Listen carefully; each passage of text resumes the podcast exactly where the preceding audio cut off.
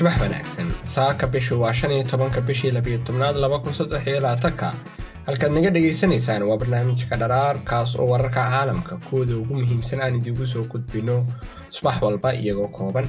Lixda subaxnimo ayaanu ku baahinaa adeegyada bodkastyada sida spotify iyo apple podcast youtube-ka iyo facebookana waxaanu ku baahinaa. Sideeda subaxnimo saaka waxaa idii soo jeedinayaa anigoo ismaaciil cali asad ah. Soo resumed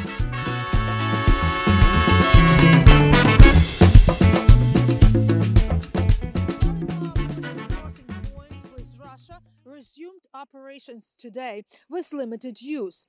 The atmosphere is notably quiet here. finland waxay xili doontaa xuduudda bari ay la wadaagta ruushka wasiirka arrimaha gudaha ee dalkaas ayaa sheegay saacadoon kadib markii qaranka waqooyiga yurub uu dabciyey xidhitaanka laba toddobaad oo dhammaan waddooyinka u dhexeeya labada waddan ay furnaan doonaan helsinki ayaa sheegtay in dhowaanaha sarukac ku yimid dadka magangelyo doonka ah ee soo gelaya ay tahay tallaabo laga soo agaasimay moscow oo ay uga aargoosanayaan go'aankii waqooyiga yurub ku kordhiyey iskaashiga dhanka difaac ee maraykanka.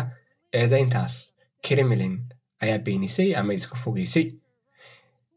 Soogaleytiga ayaa joogsaday markii finland ay xirtay xadka dabayaaqadii noofembar laakiin waxaa dib u bilaamatay khamiistii markii laba ka mid ah sideedda isgoys la furay iyadoo ilaa lix iyo soddon qof oo magangelyo weydiisteen ayuu yidhi ilaalada xuduudda finland.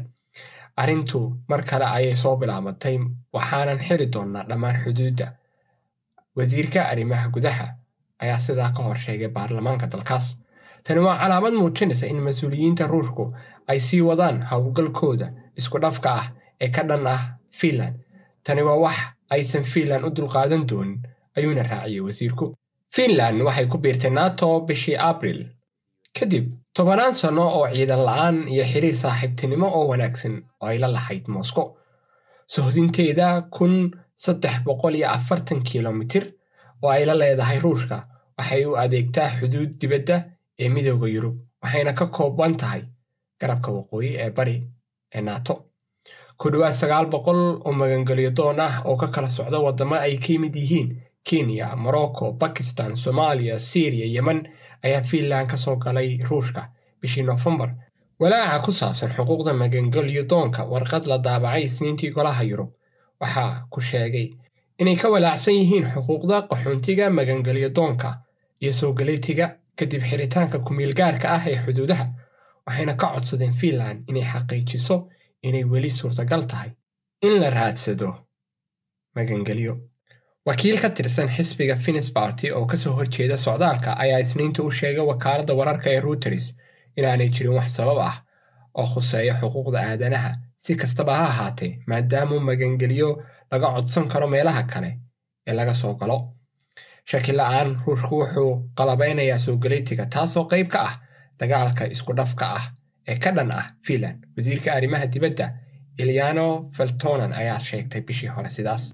Xuduudka midooda yurub uu la wadaaga finland ilaalada xuduudaha ruushka waxay dadka u oggolaanayeen in iyaga oo aan haysan fiisaha shengenka ama oggolaanshaha joogitaanka midooda yurub dadka la marin habaabinayo dadka ruushku isticmaalo ayay tiri madaxa arrimaha gudaha ee midooda yurub dhammaadkii noofembar hay'adda ilaalinta xuduudaha ee midooda yurub frontex ayaa konton sarkaal u dirtay finland waxayna sheegtay inay u diri doonto qalab ay ka mid yihiin baabuurta ilaalada si ay u xoojiyaan howlaha xakamaynta xuduudaha finland ama finland. Sanadkii laba kun koob iyo labaatan saddex kun ilaa afar- kun oo magangelyo doon ah ayaa ka go'doonsanaa dhul aan cidina joogin oo ku yaal xadka u dhexeeya poland iyo belarus iyadoo warso ay geysay ciidamada ammaanka si ay dadka uga joojiyaan inay soo galaan iyadoo ay jirto heer kul qabow oo aad u adag xaaladda nololeed ee dhinacaasu.